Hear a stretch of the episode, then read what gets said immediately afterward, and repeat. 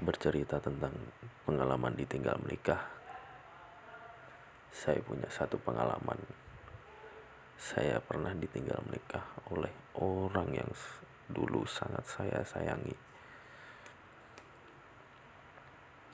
Jadi pada waktu itu waktu umur saya masih 20 20 tahun saya bekerja di salah satu angkringan di kota Solo. Dan pada satu malam saya bertemu dengan seorang wanita yang kelihatannya cantik, baik, lugu, dan sederhana. Saya awalnya hanya biasa saja. Saya tidak terlalu memperhatikan hal tersebut karena saya hanya fokus dengan apa yang sedang saya kerjakan. Karena itu adalah salah satu bagian dari tanggung jawab pekerjaan saya.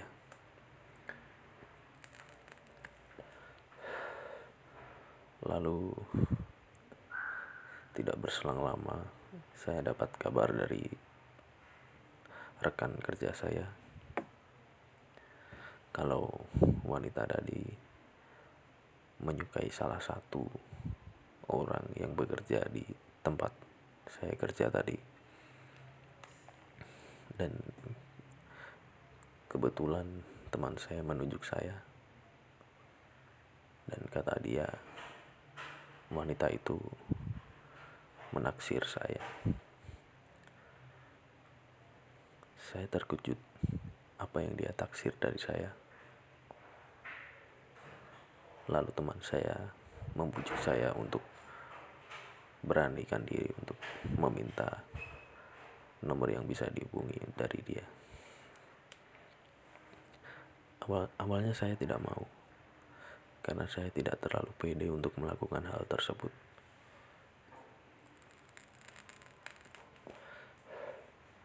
Dan karena bujukan bujukan teman saya, saya memberanikan diri untuk melakukan hal tersebut.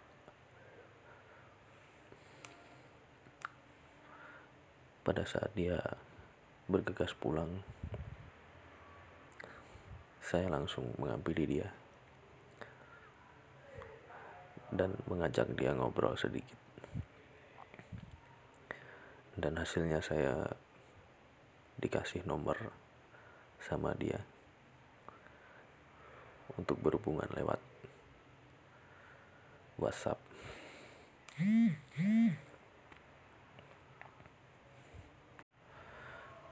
Setelah saya dapat nomornya, sepulang kerja saya menghubungi dia.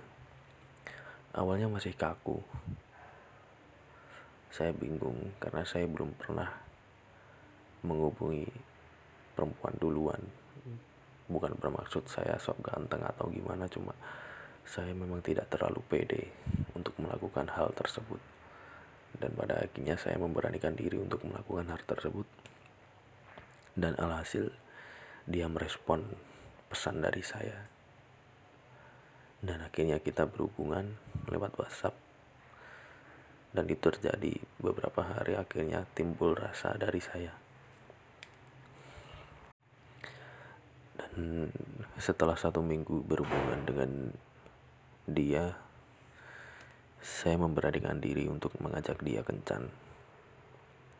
Dan pada waktu itu teman saya juga mengajak untuk hangout bareng di salah satu tempat wisata yang ada di Karanganyar. Waktu itu saya tidak memegang uang sebesar pun karena saya karena dulu gaji saya memang terbilang sangat kecil bagi seorang pekerja. Tetapi saya dulu sangat menekuni hal tersebut. Dan akhirnya saya mengiyakan ajakan tersebut dan saya mengajak wanita ini. Dan pada waktu itu pada hari H saya hangout bareng teman saya dan wanita tersebut. Saya hanya membawa uang senilai 50 ribu rupiah Saya sangat malu terhadap diri saya dan teman saya dan wanita tersebut. Selepas main, selepas main bareng, saya hangout bareng teman-teman saya dan wanita tersebut. Lalu dia juga timbul rasa, rasa saling nyaman, saling sayang. Dan saya memberanikan diri untuk mengungkapkan hal tersebut di depan dia. Tapi dia berkata, dia belum berani dia belum berani kalau saya belum mau ketemu sama orang tuanya. Lalu saya memberanikan diri untuk bertemu kedua orang tuanya. Tapi dia tetap takut. Karena dulu dia punya pengalaman waktu membawa pulang pacarnya. Dia dimarahin sama orang tuanya. Tapi saya kekeh dan saya nekat untuk tetap datang bertemu dengan kedua orang tuanya. Saya yakinkan dia bahwa saya berani untuk bertemu dengan orang tuanya. Walaupun resikonya dia akan kena marah oleh orang tuanya.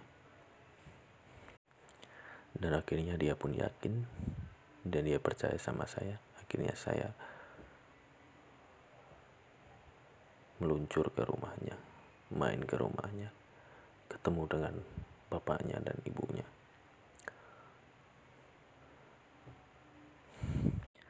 Awal pertama kali datang ke rumah dia dan bertemu bapaknya, awalnya saya sangat grogi.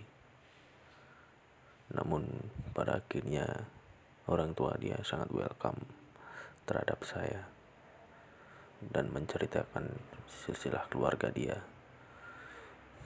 Saya mengobrol dengan bapak dia, dan saya juga menceritakan tentang pekerjaan saya dan orang tua saya. Selama hampir dua jam saya mengobrol dengan orang tua dia, akhirnya saya bergegas pulang dan berpamitan dengan orang tua dia. Selepas berpamitan, saya ada di depan rumah dia untuk menyalakan motor saya. Saya dipanggil oleh wanita tersebut, dan dia bilang, "Kita sudah resmi berpacaran." Mendengar kata tersebut membuat saya sangat senang, bahkan di jalan saya nyanyi-nyanyi, bernyanyi, saking senangnya saya akhirnya bisa mendapatkan dia karena saya sangat sayang sekali dengan dia. Lalu berselang seminggu, dia saya ajak ke rumah saya dan bertemu dengan ibu saya. Ibu saya juga welcome terhadap dia. Dia juga sangat baik pada waktu itu. Lalu kita menjalani hubungan yang sehat-sehat saja saya ada acara kondangan di desa di tempat nenek saya. Dia saya ajak dia mau. Dan enam bulan kita berjalan. Lalu ada satu masalah. Masalah yang sampai sekarang masih saya bingung kenapa. Pada waktu itu selepas kita keluar bareng dia saya antar pulang. Lalu dia WhatsApp saya. Dia meminta untuk menyudahi hubungan ini. Saya tidak tahu kenapa, tapi saya kekeh untuk mempertahankan hubungan ini. Lalu saya dia, lalu saya tanyakan ke dia, "Kenapa? Kenapa harus berakhir?" Dia menjawab, "Kita udah gak cocok, Mas. Kita udah gak bisa, gak bisa lanjut lagi." Lalu aku tanya, apa alasannya? Dia tidak menjawab. Dia kekeh untuk minta putus, dan saya kekeh untuk bertahan. Lalu pada akhirnya saya tersadar, buat apa memperjuangkan orang yang sama sekali tidak ingin diperjuangkan. Lalu pada akhirnya saya mengikhlaskan dia pergi. Lalu waktu seiring waktu berjalan, saya menyadari kalau dia ingin putus karena dia mungkin malu terhadap saya dan pekerjaan saya. Pekerjaan saya hanya membuat minuman di salah satu angkringan di dekat rumah. Sedangkan mantan-mantan dia banyak yang sukses di luar kota. Karena dulu pernah waktu awal-awal kita menjalin hubungan salah satu mantan dia selalu menghubungi dia. Lalu aku berkata, nggak apa-apa dek, kalau kamu milih dia nggak apa-apa. Kita udah aja, saya, saya sudah sempat berbicara seperti itu. Lalu dia menolak dan tetap ingin melanjutkan hubungan dengan saya.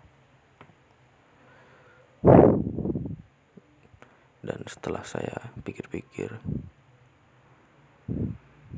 ternyata dia malu, malu dengan pekerjaan saya. Dan setelah kejadian tersebut, berselang satu bulan, saya mendengar kabar kalau dia dilamar oleh mantannya, mantan kekasih dia sebelum saya. Waktu saya mendengar kabar tersebut, saya langsung down. Entah pikiran saya menjadi sangat berat karena mungkin rasa saya terlalu dalam terhadap dia. Saya sudah mencoba melupakan dia, tapi jujur, sampai sekarang saya belum bisa melupakan dia. Dan setelah mendengar kabar tersebut, saya menjalani kehidupan saya sehari-hari seperti biasa. Walaupun sekilas saya teringat dia. Dan setelah kejadian tersebut, saya jadi belum bisa untuk membuka lembaran baru.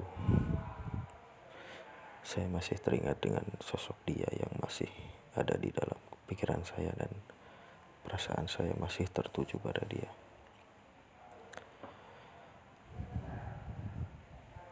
Dan bulan Juni tahun 2019 sebelum dia melangs melangsungkan akad nikah pada jam setengah empat pagi saya memberanikan diri untuk menghubungi dia. Dan yang saya ucapkan kepada dia adalah selamat menempuh hidup baru. Dan dia menjawab iya mas. Aku juga minta maaf sama mas sama ibu kalau aku banyak salah dan akhirnya saya jawab iya nggak apa-apa semua udah terjadi, semua udah terlanjur. Saya yang harus minta maaf ke kamu. Dan setelah saya menghubungi dia, semua kontak mulai dari media sosial dia saya blokir. Facebook, Instagram, nomor WhatsApp, semua sudah saya hapus. sampai sekarang saya masih kepikiran tentang dia.